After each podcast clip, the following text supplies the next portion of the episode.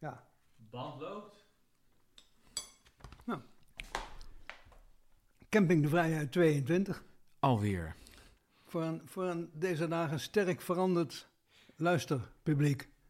Want jij zei altijd, kan me niet schelen hoeveel mensen luisteren als mijn moeder het maar mooi vindt. Ja. Zo was het toch?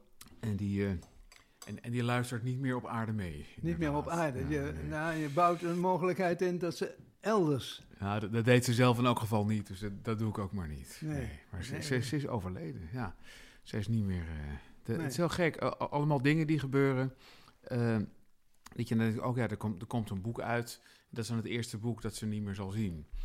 Inderdaad, ja, de, eer, de Camping de Vrijheid, ja, dat is dan de eerste die ze niet meer gaat horen. Ja, Dat is heel raar. want ze luisterde. Ja, ze luisterde wel. Nou, ik, ik moest er wel heen met, met een laptop en, dat, en het openklappen. Want ze was niet, niet ze, ze- zij was er, erg oud en der dagen zat. En was niet echt meer. eh, ze, ze, had geen podcast-app. Dat, daar Nee, kon ze nee. niet. eh, daar, daar kon ze niet mee werken. Dat, eh, dat, dat- terwijl ze een ontzettende radioluisteraar raar was. Ik heb eigenlijk. De, de radio was altijd aan bij ons. Alle, Ja, Meestal VPRO, dus eh, het Pandemonium bijvoorbeeld, om, om maar wat te noemen. Met, met, eh, met hele mooie voordrachten van Johnny van Doorn. Met zijn worsteling door de weken heen. En Maarten Biesheuvel. En, en, het gebouw der VPRO Het gebouw natuurlijk, ja. En, dat, eh, ja, en, en natuurlijk Corgalis inderdaad. Ja, En, en Ischa. En ga zo maar door. Als kind. met de paplepel heet dat, met de dagelijks, paplepel. Op de, zo dagelijks als kon is mij dat bijgebracht. En ik vind het nog steeds ook de leukste radio die er, die er is. En eh, eigenlijk vind ik het ook een soort voorspook van wat podcast geworden is. Dat er een Ja, bepaalde ongehaastheid in zit. Van nou ja, dan luisteren er zoveel mensen. En ja, nou, en dan maar zoveel. Is wel goed. We willen graag bovendien, maken. bovendien het idee van alles kan. En Ja. liefst niet geformateerd en eh, ge- van tevoren ingestudeerd. Precies. Ik heb wel eens radioprogramma's meegemaakt, dan werd er van tevoren getraind. En dan zei die presentator, eh, welkom. En dan heb ik graag dat u zegt, blij hier te zijn. Dat werd tot op de, Ja. op de regel.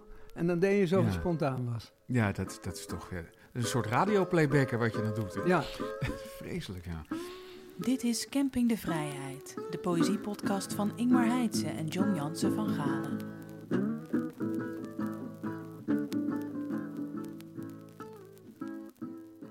oké. Wat, Ja. eh, wat, wat? Ehm, Eh, nou, ja. Geschenk van de maand, gedicht van de maand, nieuws van de maand. eh, dat, dat is misschien wel Oh. leuk om te vertellen. U kunt dat niet zien en het maakt ook helemaal niets uit. Maar eh, onze geluidstechnicus Johan Borger heeft speciaal voor dit doel een laminator meegenomen. Want er is één ding zeker in het leven. Nou, er zijn een paar dingen zeker in het leven, maar één ding is zeker. Bijna niet zo bevredigend als het lamineren van stukjes papier.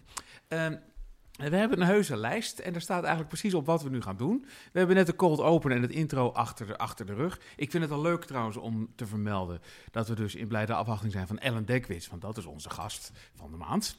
Ja. Eh, en eh, Johan heeft zojuist het bord omhoog gehouden als een soort ronde mis. Het vers gelamineerde bord dat nog een beetje warm is van de machine. En daar staat op nieuws van de maand. Het laatste nieuws. Dat is heel dichtbij eigenlijk. Dat, is- dat is eh, zaterdag aanstaande om eh, in, in de middag in iets wat heet, dat weten mensen van buiten Utrecht niet wat dat is, het Louis Hardloper Complex. Wordt eh, jou, voor jou altijd alles gepresenteerd. Ja, ja dat, dat- is waar. En dat is als dat is weer jouw nieuws van de maand. Ja, want dat, dat is zo- als het gerucht wil of erbij gepubliceerd wordt door de uitgever. Je verzamelt werk tot nu toe. Ja, daar komt het wel op neer. Ja, Maar- bundels. Ja, verspreide maar dat was in het toneelstuk. 2016 ook al zo, bij Voor Ja. de Liefste Onbekende. Klopt, alleen was het ja, tot dan toe inmiddels. Maar Dus ja, dat over zeven jaar opnieuw. Een, een abonnement van zeven jaar, dat lijkt me wel wat. Ja, dan, ben- dan ben ik 60 bij de volgende. Nou, dat, dat, dat is toch wel aardig. Ik heb geen idee of dit, of dit zo doorgaat. Eh, dat is niet te zeggen. Maar het, het, het is wel, inderdaad, als, als we de boeken erbij pakken, dit Ja. is zeg maar de nieuwe. En ja, dus je ziet wel, het, het, het scheelt gewoon twee bundels. Alles wat hierin staat, staat daar ook weer in. Ja. Oh, Dus het is wel een opbouwend eh, Ja. e- e- effect. dan wordt het volgende dus nog een stuk dikker. Ja, precies. Kijk, er staat wel tegenover. De, de, de mijne ligt ook echt uit elkaar. Dit, dit, Ja. dit is mijn optreden-exemplaar. En die is dat is een soort, een soort klont papier geworden, zeg maar. Dus die nieuwe eh, heeft, heeft ook een harde kaft voor het eerst. Dus daar kan je mee verdedigen. Dat is bij sommige voordrachten heel prettig. Ja, Dus ja, die gaan we presenteren. En eh, eens kijken wat het wordt. Titels voor jou altijd alles en voor Ja. de liefste onbekende, dat onthult, zal ik maar zeggen, een soort hang naar eh, liefde en liefdesbetuigingen. Wat Herman Brood ook al zei, van, eh, waarom, waarom ga je op een podium staan? Waarom, waarom probeer je iets te maken? Van, kijk eens mama wat ik kan. Goed, ga jij er een voorlezen of zal ik dat doen? Nou, doe jij dat maar. Dat, Ja, dat, dat, laat, de- dat laat ik me niet, eh Ik neem niet ontgaan. die, ik- die ik geloof ik wel eens eerder heb gelezen, maar die vind ik zelf, is mijn- een favoriet gedicht van jou. Heet Achter de Schutting. Je was kind en alles was er, weet je nog? Bijna niemand was dood en je was zo klein als de wereld om je heen. Drie straten en een schoolplein. De geheime plek in de bosrand, jouw boom, het parkje met de groene schaduwen achter de heg. Alles was er en het zou er altijd zijn want niemand kwam op het idee daar iets aan te veranderen. En je weet ook nu niet meer hoe alle dingen gingen schuiven. Hoe struiken of jurkjes zich openden als theaterdoek met uitzicht op iets wat je nog niet zien mocht. Iets wat eigenlijk voor later was. Misschien was er een kijkgat in de schutting en dat je jezelf geen kind meer aan de andere kant van die schutting terugvond en je afvroeg hoe je daar gekomen was. Maar vooral waar de wens dat alles steeds weer anders moest vandaan kwam. En dat je nu pas begrijpt dat wat je doet alleen een poging is om de dingen terug te veranderen naar de tijd dat alles er altijd was. Zoals het was toen je nog kind was. Alles was er, weet je nog. Bijna niemand was dood en je was zo klein als de wereld om je heen. Dankjewel. Wat Thans- leuk om eens te horen. Thans gedicht van de maand. Het gedicht van de maand. Mijn gedicht van de maand eh, heeft ook wel te maken met nieuws. Ik, eh, wij nemen dit op op de dinsdag, eh, de eerste dinsdag onder onze nieuwe dichter des Vaderlands, Babs Gons. En zij had zondag een prachtige inauguratie in Utrecht, in Vredenburg, in de Hertz. En dat was een zeer indrukwekkende bijeenkomst, kan, kan ik wel zeggen, met erg mooie voordrachten. Eh, er waren wat eh, eh, ex-DDV's waren er gekomen. Anne Vechter las voor, en Naomi Perkien las voor. Maar wie er ook was, was Roger Robinson. En daar had ik nooit van gehoord. Eh, een, een, een Engelse dichter, als ik het goed begrepen heb, die de bundel A Portable Paradise schreef. En dat was echt zo'n verschrikkelijk mooie voordracht. Dat ga ik ook niet eens proberen na te doen in het Engels. Ik vind het leuk, want dit is echt toch wel kakelvers om een van haar eerste, misschien wel haar eerste eh, gedicht in functie eh, voor te lezen. Van Bob Eh, Schoons dus. ja, ja. van, van Schons. Eh, ook dat durf ik bijna al niet te doen, want wat de meeste mensen al wel weten die haar behoren voordragen. we hebben nog nooit zo'n goed optredende dichter des Vaderlands gehad en die zullen we ook niet gauw hierna meer krijgen. Met dat als disclaimer, personeelstekort. We komen tekort, verliezen een stad, vragen ons af hoe we thuiskomen, hoe nader tot onze geliefde te komen. Een college, een ingreep. Minder treinen, minder trams op het traject richting OLVG. Een verbod op verlof. Een nacht zonder eerste hulp. Ook op mijn post een personeelstekort. In mijn linkerborst, ergens in het laatste jaar, is schaarste schade geworden. De OK-medewerker deelt orders uit, aan niemand die het hoort. De verpleegkundige verontschuldigt zich, ik heb geen mensen. Ook hier in de taal kom ik handen tekort. En komen de woorden wellicht te laat voorrijden. De tijd staakt hier zo af en toe. Moedigt aan om met minder meer te doen. We zullen mislopen, stranden, dan weer vertragen. En hopen dat we in ieder geval op tijd zijn om onszelf te begroeten bij thuiskomst. Hm. Al dus Dichter des Vaderlands, ja. Onze dichter des Vaderlands. Daar gaan we plezier van hebben. Dat Ja. hebben we al. Dat, zeker. Ja, ik las eh, over een theaterstuk in Gent opgevoerd, Rumi Passion. Stijf uitverkocht. Ik dacht, nou, dat is Hmm. gebaseerd op de, di- de gedichten van deze dichter. Rumi, of moet je zeggen Rumi? Ik weet het Ik niet. hoor ken- meestal Rumi. Eh, Heel beroemd, ik kende hem nou. Ja. Ik had wel eens van hem gehoord, maar wij gaan zitten bladeren. En dan is het rare, eigenlijk heel veel van wat je over hem leest, staat mij in principe tegen. Hij is een spirituele dichter. Nou ja, als je dat zegt, dat wil- maak ik zelf wel uit of hij dat is. ja. En hij, hij wordt gekoppeld aan mystiek en Soefi en, en de secte van de dansende derwischen. Mhm. Enfin, hij, uit de 13e eeuw is hij. Maar als je dat allemaal niet weet of weglaat of er overheen stapt, dan krijg je gewoon een prachtig gedicht. Ik heb hier een hele stapel, maar ik koos er één uit. Die is afgedrukt in de essaybundel Dit gaat niet over grasmaaien van Ellen Dekwits, die zometeen hier te gast is. En dat luidt als volgt. Rumi dus. Mijn slechtste eigenschap is dat ik niet tegen de winter kan. Swinters ben ik slecht gezelschap. Als je niet hier bent, groeit niets. Ik kan niet helder denken, mijn woorden raken in de knoop. Wat doen we met bedorven water? Terug gaat het, naar de rivier. Wat doen we met slechte gewoonten? Terug wil ik, terug naar jou. Er bestaat een geheim medicijn, alleen bestemd voor wie zo'n pijn heeft dat zelfs hopen niet meer helpt. Wie nog hoop heeft, zou zich beledigd kunnen voelen. Kijk zo lang mogelijk naar de vriend van wie je houdt, onverschillig of de vriend zich van je keert of naar je toe komt. Rumi.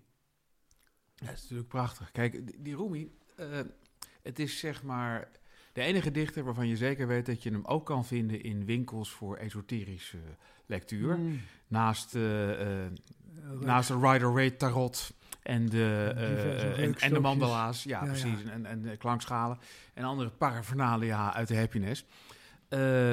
zoals je dat hier hebt in een boekhandel die heet De Wijze Kater. Oh. Waarbij je vaak denkt, een onwijze kater. Maar het is een heel leuk boekhandel. Ik kom er graag. Ik hou wel van dat wierook en patchouli oh, ja? Ik heb er geen bezwaar tegen. Ik heb, ik heb geen bezwaar tegen, maar geen affiniteit mee, zou ik maar zeggen. Nou, geen, geen, geen geestelijke affiniteit, maar ik denk, ach, het brengt het kwaad niet in de wereld. En die Rumi oh, nee. is natuurlijk een beetje, een beetje, beetje ingelijfd door die, door die sandalen en wierookcultus. Ja, ja. Maar het is natuurlijk gewoon een hele goede, hele goede klassieke dichter geweest. En, en ja, waarom die nou wel in die hoek is, ge, is, is, is gezet en andere dichters uit zijn tijd dan. Dat bedoel ik, als je niet, wel een wegstreept, hou je een dichter over en niet de, niet de eerste de beste. Daarom, en dat, dat is het belangrijkste. En ja, je kan ook zeggen, als dat ervoor nodig was om, om dat werk op de kaart te houden, ja, zo so be it. Ja. Goed. Uh, want dat is het leuke aan Rumi. Het is eigenlijk heel erg menselijk. Het is heel erg. Uh, nuchter en aards eigenlijk. Ja, het heeft precies, niks te maken met, met, met, met, met uh, vage wouwen. Zweverig. Nee, nee, dus, uh, hartstikke leuk. Ja. leuk. Leuk dat je daarmee aan komt ik dacht, daar kun je naar gaan kijken, Room in Passion, maar dat is niet zo. Het was een paar keer stijf uitverkocht en ik geloof oh. niet dat ze het nog eens een keer opvoeren. Jammer misschien. Gent. Aan het, hoe heet het, het Kouter te Gent. Daar is een ah, theater. Ah, juist. Um, ja, geschenk van de maand dan. Vol verwachting klopt ons hart. Een poëtisch geschenk. Uitpakken! Ja, het is wel lastig. Ik moet dus kiezen nu. Ik heb, ik heb, ik heb er twee. En, en, en, ik, en ik wil er ook twee. Oh. Als het mag. Maar ze gaan over hetzelfde. Uh, moet je iets vlugger praten? Ja, ik ga heel snel praten. En ik doe gewoon uit beide iets heel korts. Dan, dan is, het, is het zo voor elkaar. Uh, ik heb hier het, uh, het, het binnenwerk van de uh, nachtbundel van de 40ste nacht van de poëzie. Uh, wie naar de nacht gaat, weet dat. Wie dat niet doet, kan ik het nu vertellen. Als er een nacht van de poëzie plaatsvindt, dan hoort er ook een bundel bij die speciaal op die nacht verschijnt met van elke deelnemende dichter een gedicht. en dat is dus een soort grote bloemlezing in dunne deeltjes door de eeuwen heen. Want het is al de 40ste nacht, dus dat is ook wel een aardige turf alles bij elkaar. die 40ste nachtbundel vind je dus een gedicht van elke dichter die daar op 7 oktober gaat optreden. ik doe het, het korte gedicht voor E van Judith Hertzberg. Waar heeft de wereld zijn of haar fabriek, waar hij of zij weer elke dag weer gloednieuw weer, weer produceert? In Ierland, weet ik. Al dus Judith Hertzberg. Die heeft het nog steeds, kunnen we wel zeggen. Um, en uh, dan wil ik graag uh, nog even wijzen, want dat vind ik ook wel, het is echt een cadeau. Uh, het Hollands Maandblad heeft een heel nummer gewijd aan de 40ste Nacht van de Poëzie. Ik wist niet dat het nog bestond. Ja, het bestaat nog en het, en het is levend en schoppend. En het staat dus barst, barstensvol met prachtige gedichten. En onder andere vind ik van Mensje van Keulen ah. het gedicht Nachtvader. De vader met zijn bronzen baard en lippen vol vers genoten vet. Hij draagt het kind naar bed. Zijn borst, zijn hartslag kronkelende vreter, nawalmend in zijn stem, die lacht en hoest en zegt dat Dada nooit meer weggaat. Ja, Dada blijft vannacht. Zijn kus slipt als een kikker. Hij wenst. Hij meent het echt. En dit vind ik zo mooi omdat het iets heel teders en liefs heeft. Maar je voelt ook wel Die vader, misschien bedoelt hij het wel goed, maar of het nou ook helemaal goed eruit komt, is sterk de vraag. Mensje van Ik- Keulen, ik wist helemaal niet dat hij gedichten schreef. Jij nee, wel? ik wel, ja, Ja. Maar heel vroeger, toen trokken we veel met haar op in het Café de Pels met name. Juist. En eh, toen tekende ze vooral. Ze is Ja. tekenaar bij eh Proper Curis gekomen. Aha. En toen schreef ze ook wel gedichten. Maar dat is dus poeh, 50 jaar geleden of zoiets. De jaren 70 hebben we het over. En ik wist niet of dat ze nu nog of weer gedichten schreef. Nee, Ja, ik, ik weet niet of dit, of dit recent is, maar daar ga ik eigenlijk wel van uit. Dus ja, eh, gedicht van mensen, sowieso in het nummer. moet eigenlijk in de show notes daar vermeld staan. Hè? Ja, dat, inderdaad. Nou, we kunnen eens kijken of we dat kunnen vinden. Maar de- sowieso, dat nummer van Hollands Maandblad, en dat je zegt dat het nog bestaat. Ja, het bestaat. En het heeft echt fantastische eh, bijdragers. Sascha Jansen, Jan Posma, Anne Vechter, Ni- Ni- Nisrien Barki, eh, Mustafa Keur. Het is echt, echt hartstikke goed. Dus- Tuinman. Vroeger de speeltuin van KL Pol, hè? het Hollands Maandblad. K.L. Pol eh, schreef het gedicht al heel lang geleden, waarvan mijn moeder al decennia terug zei van als ik nog dood ben, dan moet je dat maar op elkaar zetten.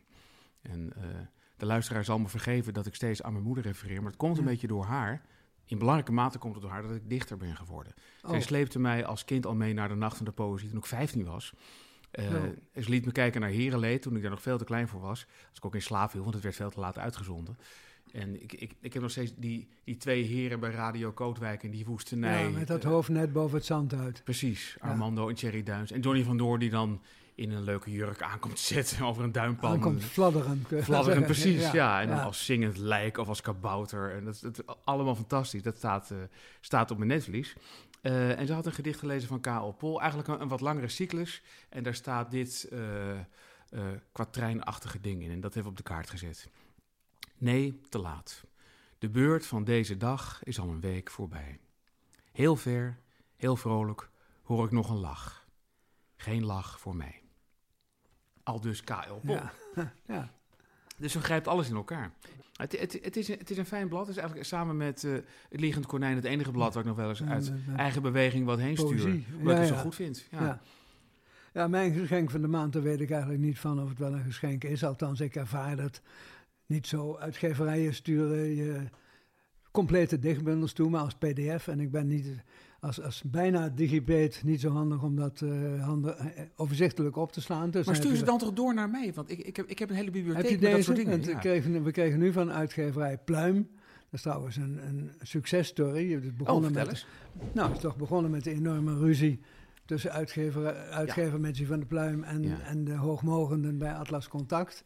Er zijn een heleboel schrijvers eh, met haar in opstand gekomen tegen het nieuwe regime. Ja. En die eh, zeiden ook allemaal dat ze met haar mee zouden gaan als ze, als ze een eigen bedrijf oprichten. En dat hebben verschillende mensen zoals Geert Mak toch uiteindelijk weer niet gedaan. Dus is helemaal op, zi- op zich begonnen. ja. Eh, van een kennis van mij heeft ze toen nog meubilair gekregen om het een pandje in te richten. Wat leuk. En, eh, ja, en, en, en twee schilderijen van Andy Warhol. Wat een, Oh. een, verkeerd geschenk is, want dat moet je dus wel verzekeren voor veel geld. Ja. Maar goed, het is haar voor de wind gegaan en nu stuurt ze dus geregeld ook de dichtbundels op. En ik kreeg een bundel, de nieuwe bundel van PC Hoofdprijswinnaar eh Nachum Wijnberg. Oh, die wil ik zeker wel. eh, en die, ja. eh, Maak ik je graag afhandig straks. Die heet Hoe werkt het? Hoe, Hoe werkt het? Eh, Namelijk, hoe werkt poëzie? Dat vraagt hij zich af in die bundel. Dus Ja. tamelijk, lijkt mij tamelijk intellectualistisch. Hij is, eh, hij is natuurlijk ho- hoogleraar in de economie. eh, cultureel ondernemerschap en cultureel management geeft hij.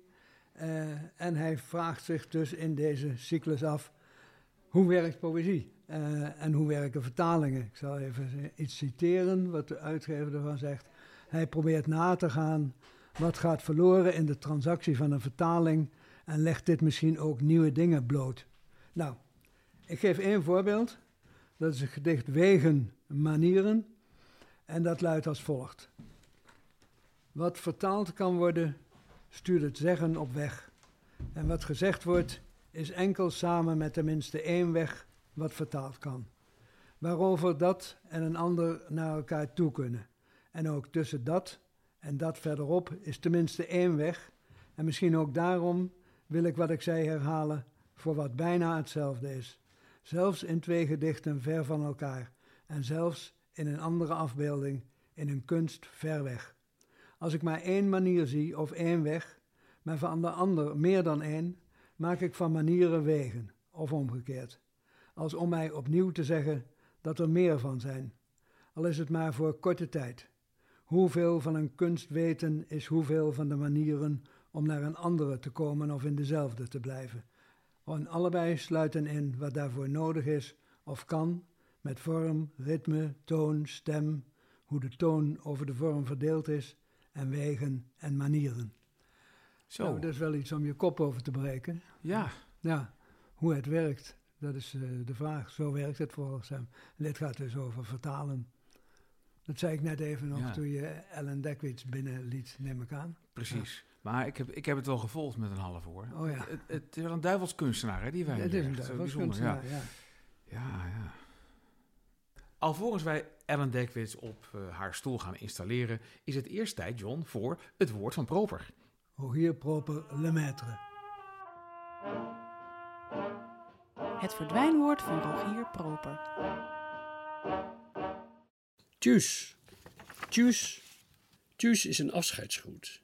Ik ken maar één persoon die hem gebruikt en dan nog alleen op schrift, in mails. Maar zij heeft wel de mooiste lippen die ik ken, nog afgezien van de rest. Zodat ik dat woord altijd als ik het lees in een wolkje uit haar mond zie komen. Tjus. Heerlijk. Tjus is een samentrekking van de groet ajus en tante Truus die de R niet kan zeggen. Maar wel ajus. De gast van de maand. John en Ingmar praten met een coryfee uit het land van de poëzie. Ellen Dekwits, nogmaals welkom. Ja, Eh, welkom. we, hadden, we- hadden het net inderdaad over, over een gedicht uit jouw, eh, ja, wat is het, essay, Essay-bundel Bundel. vind ik het. Ik vind het Ja. een essay-bundel. Ja? Ja? Eh Rumi. En we zaten een beetje te, eh, ons, ons af te vragen, hoe kan het nou dat die Rumi, terwijl het zo'n nuchtere aardse dichter is, Mhm. eh, is beland eh, in, in die esoterische... eh, Geurstokjes. ja, geurstokjeshoek. Goh, wat, wat, wat, wat een leuke vraag, jongens. Aan de ene kant speelt daarbij de, het, de imago van zijn, het imago van zijn herkomst mee. Kijk, hij kwam natuurlijk uit een mystieke traditie. Hè? De Ja. dervishes. Eh, iemand als Marjolein van Heemstra, die haar scriptie over Rumi schreef, zou je daar meer over kunnen vertellen. Maar hij kwam uit een mystieke eh, traditie. Mhm. En ik denk dat dat ook meespeelt. Kijk, in Amerika is Rumi de best verkopende dichter. De Dat best was ik, ja. Fantastisch idee. Tegelijkertijd, hij maakt zwaar homoerotische versen. Waarin je. Dus, dus ik, ik denk dat. ehm, die populariteit ook wel komt omdat hij in een bepaald soort milieu goed valt. En van Ja. daaruit verder wordt verspreid. Ik durf het eigenlijk niet Ja, eens te ik, zeggen. ik heb een andere Wat vraag. denken Als je dat nou allemaal niet weet van het mi- milieu en spiritueel en Ja. soefi en zo, dan lees je in die bundel van jou gewoon een prachtig gedicht. Precies. Los van al deze eh, zweverigheid. Maar schoonheid wordt altijd wordt zo snel weer gejat en gepolitiseerd. Ook al wordt het aan een bepaalde beweging die schijnbaar niet politiek is eh, verknoopt. Het is, Mhm. eh, ik, ik- dat, dat zie je gewoon heel snel gebeuren. Het is, het is de weg van de wereld, inderdaad. hè. Het is Dat- de weg dat- van de ja. wereld. Kijk, dichters worden natuurlijk ook meteen eh, bij een machtswissel. Als je van eh, nou ja, een, een, een schijnbaar niet-dictatuur naar een dictatuur gaat, staan wij als eerste tegen de muur. Nou, dat, dat is interessant. Ik heb dus de- deze, deze man, Roger Robson, horen Mhm. voorlezen Mhm. zondag in, in de herfst bij de inauguratie van Paul Schons. En dat, dat zei hij ook letterlijk. Van, van ja, d- d- dat zie je ook in een, in een dictatuur. De e- eerste eh, eh, ja, bevolkingsgroep die om zeep wordt gebracht, dat zijn de dichters. Ja. Want dat zijn de mensen die, die, eh, die kunnen echt denkbeelden veranderen. Die kunnen een revolutie starten. Dus die moet je onmiddellijk eh, of aan je kant krijgen of eh, eh, aan geen enkele kant meer krijgen. Nou Ja, ja, kijk- Toen fascisme nog een vorm van revolutie was, waren er ook grote dichters onder hun volgelingen. hè. Ik noemde Nunzio. Natuurlijk. Ja, Erik. Erik Wigman. Ja, Erg Wegman. Ja, Ah, ja, ja, maar dat was, gewoon- dat was gewoon een freak. de Nunzio niet. Ja. Nee, nee, nee ik bedoel, dat dat vind ik wel verschil in, in, in, in, schoen, in schoenmaat, zeg maar, literair gezien. Maar oké, het is waar. Het is ook al- altijd, altijd zo dat er, dat er eh, eh, grote dichters en denkers zijn die ofwel flirten met, met gedachtegoed wat achteraf niet zo handig was, ofwel eh, eh, worden ingelijfd terwijl ze daar op zich niet zo op uit waren. Nee. Eh, ja, dat is, dat, dat is Ofwel zich laten meeslepen door de gedachte van grote veranderingen zijn op tel. En Ja. ik maak me daar tot spreekbuis van, of, of voorloper of heraut. Of heroïek. Ja, ja. Dat zit er ook nog in. hè? ja En- precies. Dat is natuurlijk met fascisme heel sterk. Ja, maar ik denk sowieso Ja. bij elke vorm van jonge generatie wil een held worden, maar trouwens vaak niet uit wat voor middelen daartoe zijn. En ik heb net weer de wereld van gisteren herlezen van Stefan Zweig. Ja, Waarin hij dus beschrijft hoe in Wenen bij het begin van de Eerste Wereldoorlog iedereen die hij voorheen een beetje pacifist of toch een redelijk mens besch- achtte, opeens helemaal meeging in die oorlogspropaganda. We moeten strijden voor dit vaderland. Opeens is ook een keuze heel makkelijk gemaakt waar je je lyriek aan wijdt. Dus ook een Ja. beetje luiheid. Misschien wel. En het is lekker om bombastisch te mogen zijn. Ja, en, en, als, en als je weerklank vindt, dan is het ook wel heel moeilijk om daar niet aan verslaafd te raken natuurlijk. Dat je denkt, ja, dit, dit loopt lekker. Waarom zou ik dit veranderen? Roem, geld Ja. en natuurlijk constant die, die, die standaard dopaminewaterval van applaus. Ja. ja. Nou, gezellig jongens. Nou, daar Roem je dan misschien weer geen last van. Nou, in tijd. Maar hoe, belangrijk is, hoe belangrijk is applaus voor jou? Was het ooit wel. Ehm, maar dat hing er ook mee samen dat ik eh, echt begon met dichten in een tijd waarin ik... eh, ik was heel jong toen ik begon. Eh, nog niet genoeg, en dat gaat echt misschien ook een beetje zweef klinken, maar ik hield gewoon niet zo van mezelf. En dan, ik vond het moeilijk om voor mezelf te applaudisseren. Dus dan ga je maar heel erg je best omdat anderen dat voor je gaan doen. En nu kan ik een beetje voor mezelf applaudisseren, al mag je dat in dit soort landen niet hardop zeggen, want in Nederland word je dan meteen. Ja, dat Als je hoor ik kies niet. vriendelijk zo over jezelf durft te beweren. Maar eh, het is in het begin is dat wel echt mijn motor geweest, ja. En wij schrijven dan ongeveer Ja, over welk... welk hoe jong was je? tijdperk 17, hebben we? 19, Ja, nee, 16. 16? Ja. Zoiets, maar ja, kijk, jij, jij hebt natuurlijk ver voor, want jij was al aan het publiceren op je 16e ing. Ja, ik ben ook een, ben ook een, stu- een stuk ouder. En, en het publiceren, dat waren wel boekjes die ik zelf in elkaar... eh, Nou, en de VPRO-gids. Oké, ja, die, die had ik dan. Maar ja, die, Mhm. die, die, bestond toen... nog- Op achter, de achterwerk. Ja, ja. achterwerk. Net, net, net als Abraham Corsius en vele anderen van grofweg die generatie... eh, had ik mijn eerste publicatie in Hm. achterwerk van Nelke van der Drift. Ja, Ja, Wat een lekkere aardbeiensloof was dit trouwens, jongens. de, de bakkerij op de hoek eh, heeft dat heel smakelijk ingekocht. Ze smaken Mm. volgens mij niks zelf. ik wil ze ook niet als sponsor wat dat betreft. Ik bedoel, ik, ik, zie- ik, zie- ik zie ze bijna letterlijk stroopwafels van de groothandel in, in, in hun eigen zakjes doen. Maar eh, dit, dit, is, dit is goed te hachelen. Ja, dat gaat En dan best. hebben ze ook een magnetron, dat ze ze even opwarmen, zodat je toch een beetje die stroopwafel Kijk, nog lucht... even dat, eh, Ja. ja. die lucht. Ah. Ja. Ja. maar wat leuk dat jullie even met Ruby bezig zijn. En wat leuk dat we nu al meteen weer op een ja, gewoon toch meer historisch-politiek debat zitten... als het gaat om de plek van poëzie in een samenleving. Ja, je kan er al- alle kanten mee op. Dat is zo aardig. Ja, ja, dat is zo, dat is zo. Kijk, en ik heb heel... eh, kijk, ik ben geboren in 1982. En toen ik dus begon met schrijven... leefden we eigenlijk in nou ja, eind jaren 90... eh, aan zogezegd het einde van de geschiedenis, hè? ja. Ik bedoel, het eh, neoliberalisme slash de derde weg was de grote oplossing voor alles. En we hoefden nooit meer strijd te voeren, er zou nooit meer schaars te zijn. Nou, dat ging natuurlijk eh, met 11 september 2001 erg mis. Maar ik zag wel om me heen bij de dichters een opluchting. Van, ah, nu zijn we eigenlijk eindelijk van onze navel af. En Ja. vervolgens gingen ze verschrikkelijke, geëngageerde spierballen poëzie schrijven. Dat is ook zonde geweest. Ja. Ja. Nou, daar is ook niet zoveel van overeind gebleven misschien. Nee. De dichters zelf wel, die, die, die, die trekken weer een andere jas aan en gaan verder natuurlijk, Ja. denk ik. Tenminste, dat lijkt me heel gezond. Je hebt, ook, eh, of, je je hebt ook een theorie dat de beste literatuur over wereldgebeurtenissen pas 60 tot 100 jaar na zo'n beur- gebeurtenis wordt geschreven. Wel minstens 30 jaar moet minstens een generatie overheen gaan. Dat Hmm. ook bij de mensen die ooggetuigen zijn kan bezinken. Neem de beste romans over oorlogen, neem Oorlog en Vrede, die, die is 30 jaar pas na de inval van Napoleon, vij- 40 jaar na de inval van Napoleon in Rusland geschreven. Ja. Slaughterhouse 5, 30 jaar nadat eh, Kurt Vonnegut eh, terugkeerde uit eh, Dresden. Dan zijn we nu toe aan de beste boeken over de val van de muur. Ongeveer. Heel scherp. Je zou. Je zou tegelijkertijd kunnen zeggen, vind ik interessant dat je het zegt, ehm, je, je zou het zelfs nog groter kunnen trekken. Er zijn mensen die stellen dat ehm, de val van de muur weer het einde betekende van de Franse revolutie. Dat daarmee alle ja, extreme burgerlijke ongehoorzaamheid, wat, wat je Ja. wel zou kunnen zeggen van de Franse revolutie, Dat dat, eh, wel, ja. dat, weet je wel, Ja. als wij het hier hebben over protesten, ongehoorzame Ja. burgers, nee, ja, dat was daar nog echt een heel ander verhaal. Nou, zo was het communisme ook begonnen natuurlijk. Precies, precies, precies. Maar ehm, je zou ook kunnen zeggen dat wij weer met alle ellende in het Oostblok en, alle, en de opkomstmachine getuigen zijn van de val van de val van de muur. Dus, Ja, dat is het koffiezetapparaat. dus John, Ja. dat boek over de val van de muur kan misschien nog wel even op zich laten wachten. Het is, het is gebouwd in, in, in Italië, het koffiezetapparaat. Dus daar Oh, oh, zit toch muur. iets... Ja, Ja, eh, iets fascistoïde ja in toch dat... wel een eh, beetje, ja. ja. Eigenlijk kan het ook niet meer. Het kan wel, kijk maar, wat voor, wat voor Meloni is natuurlijk gewoon uh, protofascist. Want daar is ook, uh, weet je wel, uh, Mussolini 2.0 weer aan de macht. Maar je zei de val van de val van de muur. Wat zeg je? De, de, de val van de val van de muur. Nou ja, de heropbouw Ja. eigenlijk dus. Ja, de, de- precies. Ja.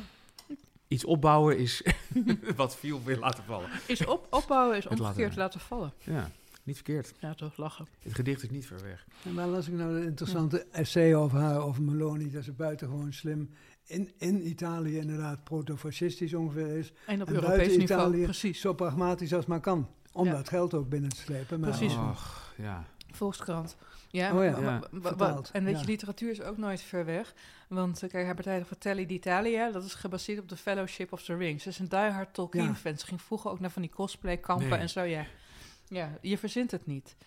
Wa- waardoor je, kijk, in die boeken van Tolkien wordt natuurlijk een broederschap gepredikt, een solidariteit, ook een saamhorigheid die over be- verschillende bevolkingsgroepen, nou ja, eh, Inderdaad. Een soort Europese Unie van mensen met harige voetjes en, en, en wat kleiner en zo. Maar ook elfen met rare oortjes. En, eh, gehandicap, meervoudige gehandicapt van allerlei slag.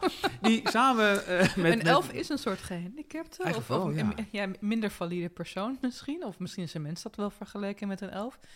Maar Ja. ehm, in het geval van een Meloni... Kijk, eh, bij Lord of the Rings heb je natuurlijk heel duidelijk een slechterik. Je hebt heel duidelijk een ander waartegen je je kan verzetten.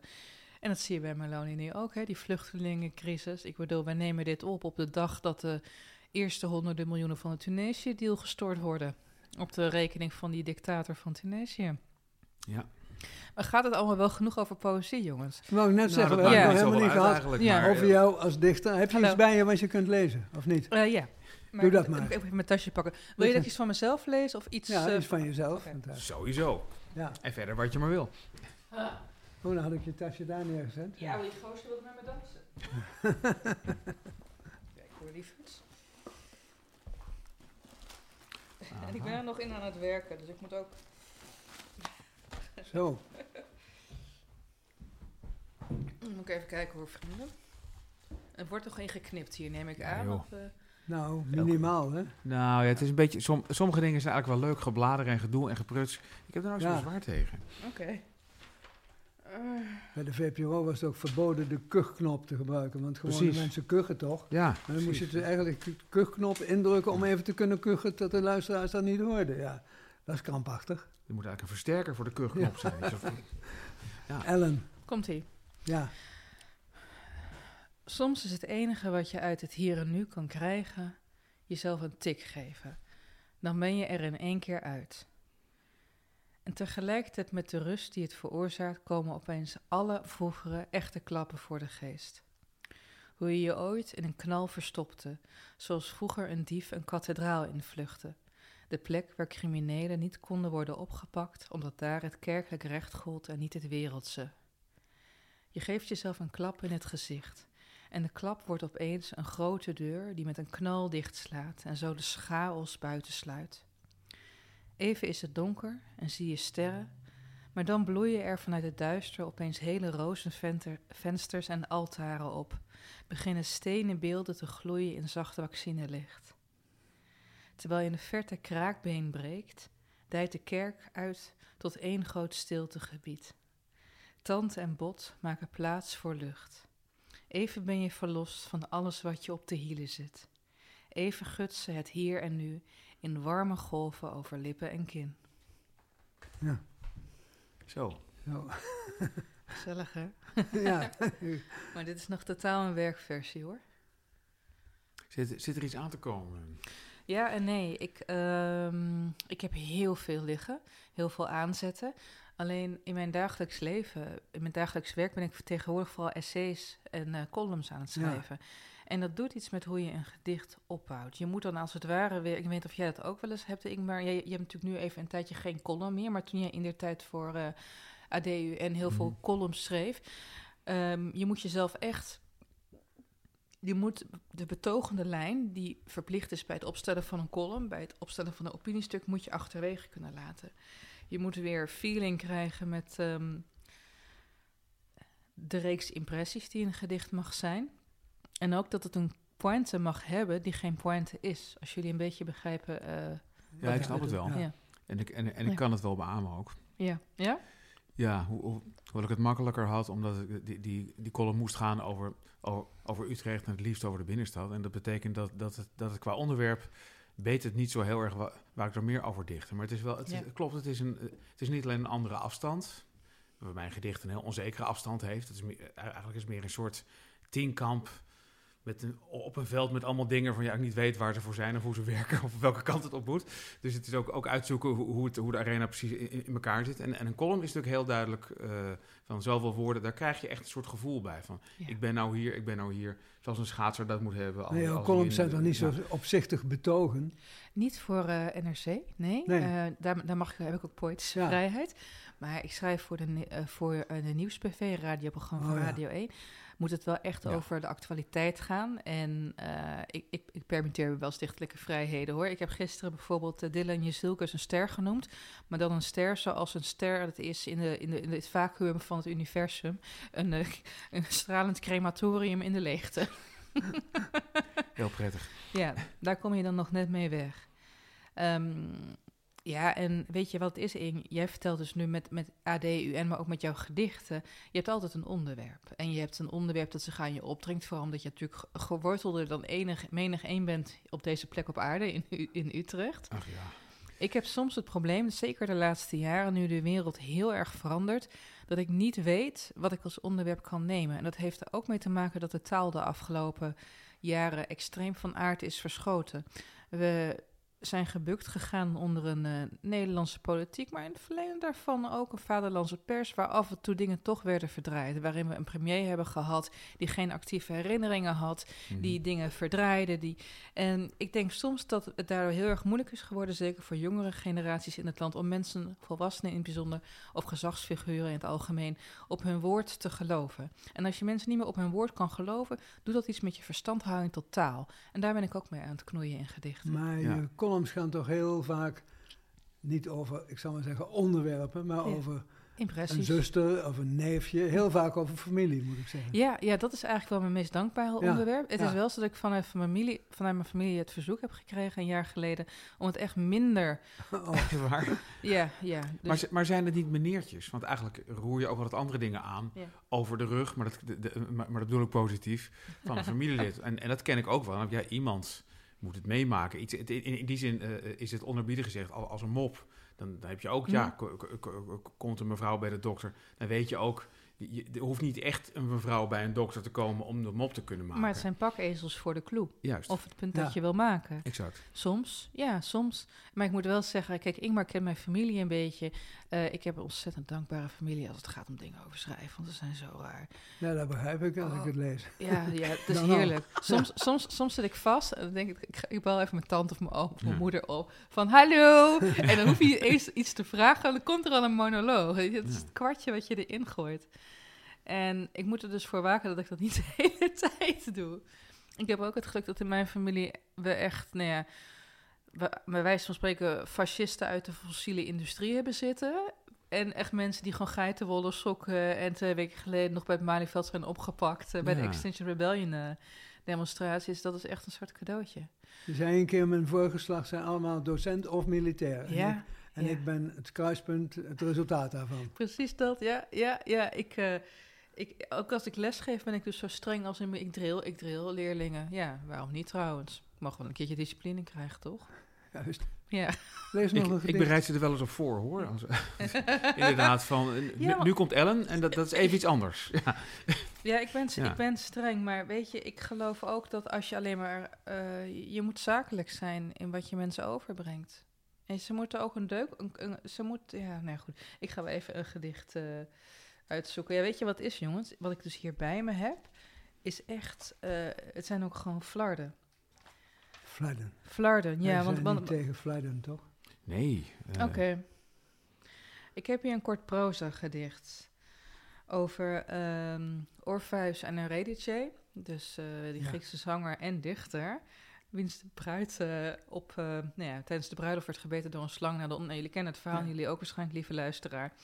En ehm, in mijn versie wil Eurydice niet met hem trouwen en stapt ze expres op een slang. Zo Ah. begint het.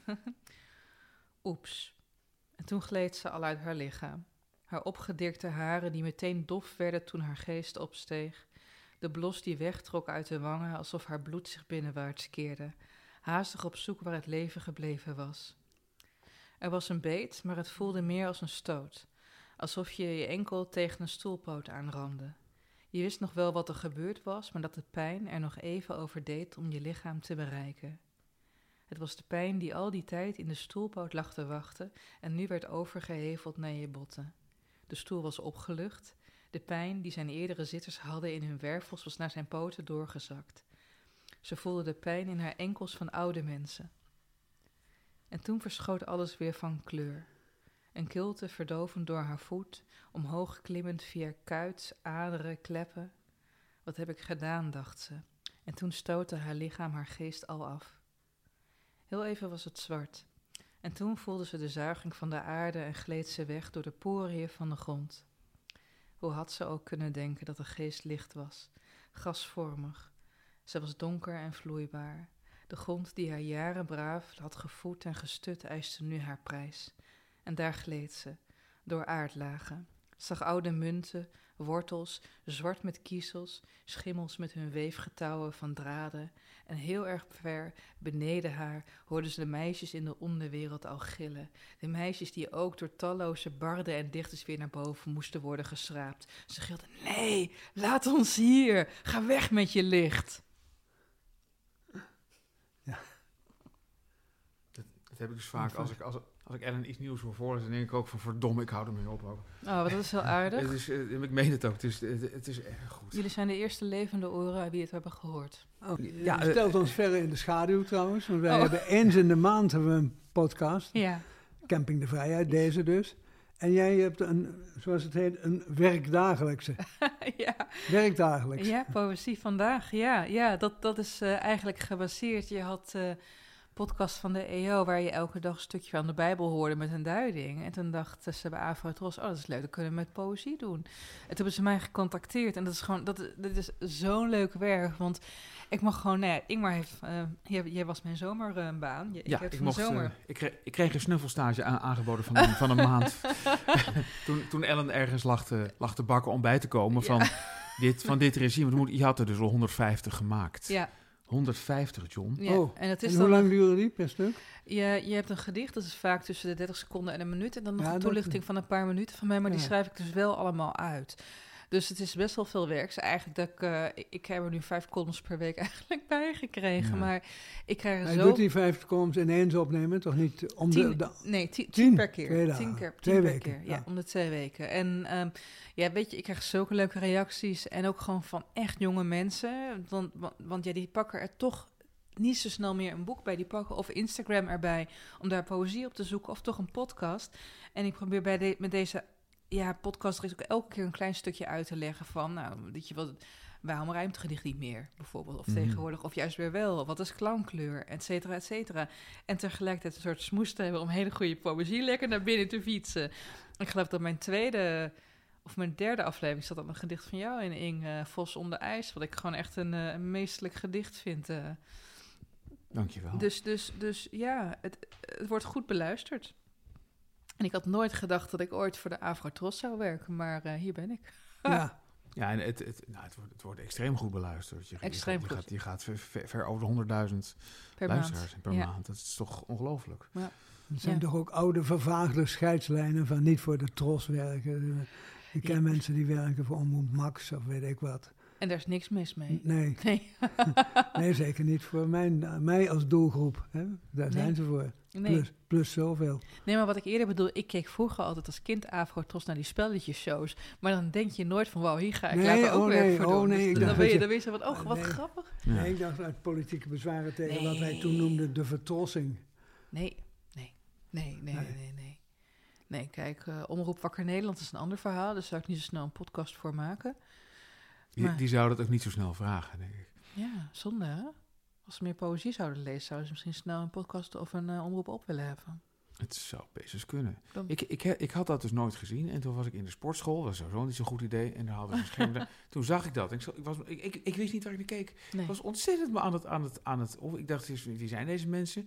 Dat was een soort talkshow. En er wer- werden steeds, steeds engere dingen gezegd. Ik was op zo'n ding, op zo'n cross trainer. En ik, ik recordtijd gelopen, echt. Toen word ik helemaal kapot.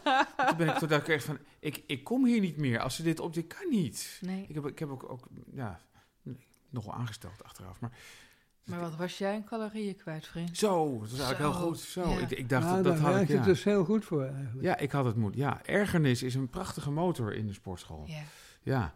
Ja. Maar goede hemel, dit is, dit is wel... eh, en ik, ik vind ook...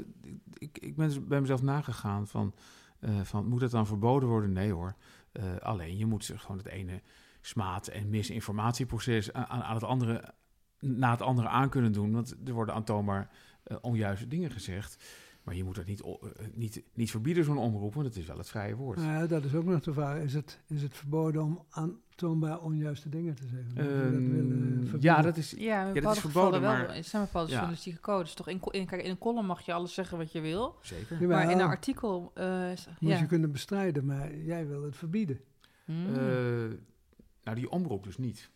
Dat sommige nee, mensen willen. maar het, het uiten van dingen die niet waar zijn. Nou, ik, ik, vind, ik vind wel dat, dat, eh, eh, dat, dat zo'n... Eigenlijk, ik gun zo'n omroep dat, dat hij zich van het ene proces naar, naar, het, naar het andere slepen... maar niet om een voortbestaan ter discussie stellen... maar gewoon, eh, ja, jullie hebben deze en Ja, deze ja. uitspraak nou, gedaan. precies. Ja. Eh, smaad, Ja. dat dient herroepen te worden. nee, gewoon dat is juist. het ene rectificatieproces na, na het andere. Dat lijkt me eigenlijk wel... ja, gun ze dat. Dwalen we nu weer af van de poëzie? Klein ja, beetje. zeker. Maar eigenlijk begon dat al zo. Van, poëzie en politiek heeft denk ik ook eh, mede door de, door, door de werkzaamheden van onze gast alles met elkaar te maken. Niet alleen in deze tijd, maar ook in dit geval. Zo raar is dat niet. Nee. Nee, nee, ja, want weet je, politiek is taal. En taal wordt daardoor deels politiek. En dat is ook niet nieuw. Nee, Nee. Maar Henriette Roland Holst of... eh, nee, nee, nee, nee, nee, Nee. nee. Nee, en zelfs daarvoor. Het is Zelfs allemaal daarvoor. een manier om taal en beelden in te zetten... om zelf een leefruimte te creëren. En een legitimatie voor de leefruimte. leefruimte. Mhm. Ja. Ik heb het hier dat al onze gesprekken de hele tijd met zo'n soort stilte Ja. ja, het is allemaal dat is ook het mooie, behartenswaardig. dat is een mooie van het door. podcast. Daar stilte niet verboden. Ja. Nee, dat- Op de dat radio is- werden ze altijd heel nerveus van. Ja, dat Ja. klopt. Dat klopt. Ik liep naar de trein en ik wist natuurlijk dat we het over het maken van gedichten zouden hebben. En ik besefte opeens dat ik, eh, moet ik even rekenen, al 17 jaar lang eigenlijk zelden nog, tenzij het een opdrachtgedicht is, dat je voor een stad of een instelling iets maakt, maar zelden nog een gedicht maakt dat op zichzelf staat. Ik heb altijd van tevoren een plan van, oh, ik wil een bundel maken. Dus je had mijn bundel De Blanke Gave uit 2015. Dat ging toen al over het klimaatprobleem Ja. eh, hogere natuurkunde uit 2019 over het, het koloniale verleden van ons land. En ehm, de, eigenlijk mijn debuut net zo, intergenerationele problemen, ging het over Ja. onder is een andere. vrij trendzettende reeks, als je het zo bekijkt. Ja, dat denk ik wel. Althans, het, ja, dat misschien wel. Ja, ja ik, ik liep wel, met die klimaatbundel liep ik wel erg voor. Want ik ik ben altijd journalist die al interviewde van... ja, maar waarom maak je zorgen over stijgende water? Ik zei, Ja. ja, you might be in for a surprise. Ehm, maar ik, ik probeer nu in plaats van top-down, wat ik dus al die jaren heb gedaan... je neemt een thema en je denkt, daar ga ik een bundel over schrijven... Ja. met rode draden erin. Ik ga eens een keer weer eens bottom-up beginnen. En ehm, waar ik nu ook best wel geïnteresseerd in ben, is... er zit ook een heel groot verschil tussen hoe we ons dingen voorstellen... en hoe dingen uiteindelijk uitpakken. Dat is altijd zo.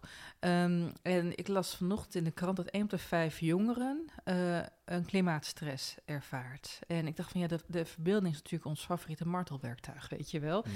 En als je niet uitkomt, oppast, dan worden, dat, worden onze hoofden allemaal van die martelcontainers, weet je wel. Ja. Waarin we onszelf van alles wijs maken, wat niet misschien helpt. Dus ik wil ook gewoon een pleidooi tegen de verbeelding gaan maken in dichtvorm. Maar verder dan dat ben ik eigenlijk nog niet. Eén op de vijf heeft klimaatstress. Ja, Wat is, wat is dan met die andere vier aan de hand? ik denk dat die al de juiste medicatie hebben. Oh, oké. ja. Ja. Dat zal het zijn. Ja. Ja, en weet je jongens, ik ben gewoon verder veel gedichten aan het lezen en vooral heel veel aan het genieten van Ja. poëzie. Want dat, eh, er wordt zoveel moois gemaakt. Het is gewoon idioot dat je denkt, zijn we nou nog niet uitgedicht met z'n allen? Nee. Je Dus- hebt zoveel moois gemaakt. Je hebt jezelf een keer gedichten-evangelisten genoemd. ja. Maar waar komt die zendingsdrang vandaan? Je zou ook kunnen zeggen, nou, ik ben dol op gedichten. En of verder eh, andere mensen er ook zijn, wat kan mij schelen? Nou, heel, heel in het kort. Ik was tien toen mijn moeder Nederlands ging studeren en ik overhoorde haar. Want ze had echt ze was overbelast. Uh, mantel zorgde voor haar eigen moeder al in de tijd. En ik overhoorde mijn moeder s'avonds haar huiswerk. Oh. Waardoor ik heel, heel veel leerde over poëzie, maar ook niet bang voor werd. En toen ik wat ouder werd en ging optreden, kwam ik heel vaak naar af dus dat mensen naar me toe kwamen van ja, ik voel me altijd zo dom bij gedichten. En ik heb het idee dat ik niks weet. En ik dacht van ja, ik ben zo, dit, dit is zo'n fantastische kunstvorm. Ik bedoel, het, het bedient zich van de bouwstenen van de menselijke geest, namelijk de taal. En je kan er zo goed mee spelen en inzichten ook over. Het is gewoon een menswetenschap, hè, de poëzie. Dus als je mensen maar een beetje leert hoe je ernaar kan kijken of hoe je het kan aanvliegen, kunnen het zowel spiegels worden die iets over zichzelf vertellen, maar ook over de talige gemeenschap waar je als mens vanaf je geboorte eigenlijk een noodzakelijkerwijs deel Ja. van uitmaakt. En daar komt die drift eigenlijk vandaan. Ik denk niet dat poëzie begrijpen daarbij het doel op zich is. Poëzie begrijpen is een middel om elkaar nog beter te begrijpen. Zeker in dit soort tijden waarin we met taal elkaar van alles op de mouw lopen te spelden. Ja. Ja. We zijn er stil van. ja, ja, ik wil ook wel een mop vertellen, maar... Nee, het hogere natuurkunde, hè, of het koloniaal verleden. Ja. Op het eerste gezicht roept er natuurlijk de vraag op: van waar in hemelsnaam die titel? Omdat ik op een gegeven moment. eh, ik, vond, ik vond het leuk. Je hebt het, je, je, je- het, eh, figuurlijk betekent natuur zoiets je aard, Ja, je, je, je herkomst. Ehm, maar ook. Ik, ik weet nog dat ik in der tijd, dus ik was een jaar of 15 bij een les natuurkunde zat. En daar vertelden ze over dat je ook nog negatieve decibellen kan hebben. Dus stiltes onder de stiltes. Nou, en als één, als één ding echt symbool staat voor de Indische kwestie, is dat stilte. Hè? zwijgen. Ja, zwijgen. Dat is overigens trouwens... Verzwijgen, ja. Ja, het is trouwens ook, als ik, als ik kijk naar mijn familie... maar ook, ik, bedoel, ik heb in de loop der jaren met zoveel mensen en instanties... en eh, vertegenwoordigers van die Indische groepen eh, gesproken. Het is ook niet zozeer Indisch zwijgen. Het is ook, het is ook Hollandse doofheid, doofheid Mhm. geweest, hoor. En ook de onwelwillendheid van zowel ja, media als, als, als politiek... om, ja, het- om ernaar te willen luisteren. Maar ik vond het leuk om daarmee te spelen. ja. Dus eh, ik bes- in, in, op een gegeven moment zeg ik in een gedicht van... wauw, er zijn dus stiltes onder de stiltes. Dit is gewoon hogere natuurkunde. Hmm. Dus da- vandaar, daar komt die titel dus Het heeft vandaan. relatief lang geduurd voordat je daarover ging schrijven, over die Indische achtergrond. Ja, ja, ja. Nou, het begon eigenlijk... Mijn oma was dood, dus mijn Indische Ja. oma was dood. was 240. Ik stond met mijn moeder aan de rand van het graf. Kist lag erin. En mijn moeder zei, ik weet eigenlijk niet wat die vrouw heeft beleefd in de oorlog. Ik zei, nou ja, je hebt toch wel dit of dit en zus en zo verteld. En al pratende ontdekte ik dat ze niks wist. Maar ik wel heel erg veel, omdat ja, mijn oma heeft mij... Misschien omdat ik een kleinkind ben en geen kind. Toen heb je toch een andere gezagsverhouding. Heeft me eigenlijk alles verteld. En toen dacht ik van, ja, ik wil hier iets mee. Mhm. En poëzie schrijven is voor mij ook altijd een manier geweest om mezelf iets beter te begrijpen. Maar ook om het mysterie van wat we niet van onszelf kunnen begrijpen in normale grote mensentaal een beetje in kaart te brengen. En zo is die bundel er dus gekomen. Dus toen heb ik ook dat besluit genomen van ja, en hier moet ook meer over gezegd worden. En toen ben je er ook heen gegaan. Ja, ja, zeker. In 2018. En eh, inmiddels ben ik nu een paar keer geweest. Ik ga volgende maand weer eh, een paar weken lesgeven aan de Universiteit van Jakarta. Ah, Dus, dus dan, heb ik, dan geef ik poëzieles. Dan hebben ze een hele grote faculteit Nederlands. Echt gewoon de eerste jaar 70 aanmeldingen. Dat je, dan denk je, nou, dan likken we hier onze vingers bij af. En dan krijgen ze een, eh, nou ja, een snelstroomcursus. Eh Nederlandse poëziegeschiedenis en gedichten maken. Hm. Dat is heerlijk, ja. ja. Ja. Er zijn eigenlijk weinig dichters die over het koloniaal verleden... Min- minder bedoel ik dan proza-schrijvers. Jazeker, ja. Ja. ja. zeker. Van de derde dan, generatie. Eh, Wat is ook weer? G.J. Racing en... Ja, maar het, houdt heel snel op. Kijk, je hebt Robin Blok, die is ook volgens mij eerder al bij hier, ja. ja. hier is de gast Ja. geweest. Ze zat daar. Ja, die zat ja. hier, zat hij hier. Die zat Die zat ja. op die stoel. Die Ja. doerak zat hij hier. Ja, Ja. Ja. ja, mij, dan houdt het wel op. Ja. Ja. Ja. Nou, einde. Het, Ja, eh, het is natuurlijk ook zo. ehm, ik ben heel blij dat ik die bundel heb gemaakt. Ik denk ook dat het Indische verhaal door nog meer mensen verteld kan worden. Dan Dat alleen door mij. Dat gebeurt ja. gelukkig ook. En ja, weet je, ik ben nu zelf. Kijk, weet je, we leven in een heel rare tijd. Je hebt elke generatie heeft wel eens gedacht dat. Kijk, Tommy Weerga die heeft, net, die heeft net een boek uit Nirvana en daarin schrijft hij dat elke generatie natuurlijk denkt dat hij de laatste generatie zal zijn. Ja. Ja. Eh, is het niet vanwege een soort aangekondigde apocalyps in de Bijbel, dan wel omdat je denkt dat het wordt weer oorlog, we gaan allemaal dood. Maar hij schrijft daar op een gegeven moment dat het wel wat aannemelijker is dat wij toch wel de laatste clubs zullen zijn. En dat doet ook iets met allereerst wat je wil vertellen. Het krijg, je krijgt een ander soort noodzakelijkheid. Maar ook, er bestaat een kans dat we nu, bestaat natuurlijk altijd, dat we voor de leegte aan het schrijven zijn. Dat wij niet in tegenstelling tot auteurs als Ovidius, tot in de generaties en in de millennia zullen worden herinnerd. Dus dat is ook eens om je tegenover te verhouden. En we leven natuurlijk in een tijd waarin de nadruk heel veel minder op tekst is komen te liggen. Ik bedoel, kijk, voor ons werk, voor doorsneebaan in Nederland be- ben je 80% van je tijd bezig met teksten. Maar als je kijkt naar welke media momenteel dominant aan het worden is, is het echt de beeldcultuur. Ja. Mhm. En dat zie je ook in de poëzie. De Nederlandse poëzie is de afgelopen 40 jaar, 30, 40 jaar veel minder talig. Vanuit is veel meer op beelden gericht. Daarvoor was het veel meer, vind ik, klankspel, betekenisspel. Nu is het meer beelden en scènes die je op elkaar monteert en die je met elkaar, weet je, het wordt anekdotischer. En ik denk dat, ehm, dat de huidige technologische ontwikkelingen, ik bedoel, we zitten niet alleen nog meer op beeld dan ooit tevoren door social media en ook hoe het nieuws tegenwoordig wordt gebracht. Maar ehm, we zitten ook op een kortere attentiespannen. Wat ook iets gaat doen voor de omvang van gedichten, wat iemand aan kan om te horen. Qua tijd, hoe lang je Ja. je kan concentreren. Dus dat zijn allemaal dingen waartoe je je verhoudt. Hm. Jullie kijken me heel glazig aan, jongens. Ik het- zeggen, het, lees eh, SVP nog iets. wat zeg Dat je? wou ik zeggen. Dat? Lees, lees nog een gedicht. Oh, oké, ja. Ehm, het is allemaal dus echt heel nieuw werk dit, jongens. Eh, Nou, dus ik dat moet heel leuk. veel kijken. En heel veel is dus niet af. Ehm, Maar dat heeft je nooit weerhouden. Dat, dat vind ik ook wel aardig. Nee, maar je, je, je, nee. je kunt gedichten zeg maar, uit, een, uit een opschrijfboekje doen. De, deze zijn nog geprint en weer van commentaar voorzien. Ja, zie ik wel eens voorlezen gewoon uit, uit je handschrift. Dat is er nog een stadium hiervoor. dat heb je bij mij gezien. Ja. Ja, ja, ja, ja, ja.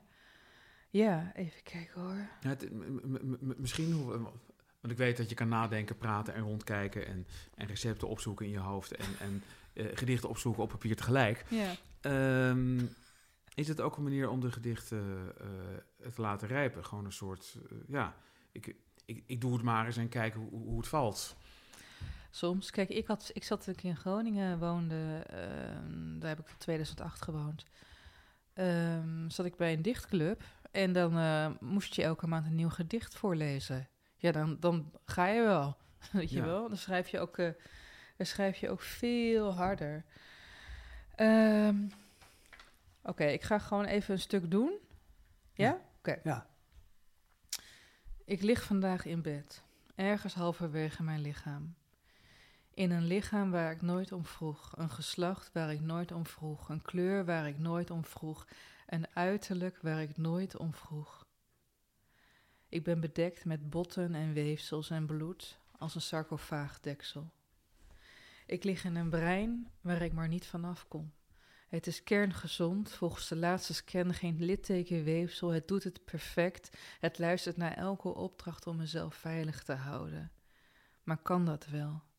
Ach, al die hormonenroedels die door mijn merg razen, als sledehonden door een sneeuwstorm. Neurotransmitters, de kleine postruiters. Ze galopperen, de zenuwen die toortsen aan signalen afgeven. En heel af en toe flakkert het, een verzameling eerdere mensen rond een vuur, aan wiens orgasmes je je bestaan dankt. Ze komen dichterbij. Ze zeggen: Wie is zij? We kennen haar niet. We vormen een keten, maar we weten niet wie je nadert. Wie ben je in godsnaam aan het naderen? Ben je alleen maar aan het naderen om het naderen? Ja. Mijn brein is fysiek gezond. Dat is niet echt leuk voor mij, maar als specimen is het absoluut een topproduct. Ja, mooi.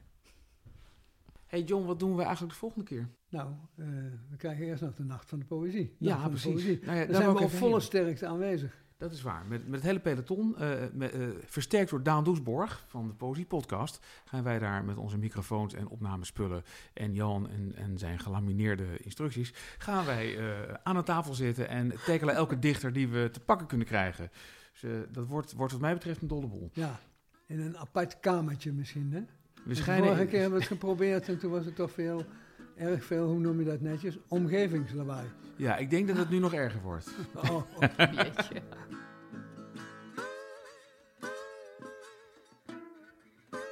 Dit was Camping de Vrijheid. Namens Ingmar Heidse en John Jansen van Galen. Tot de volgende aflevering.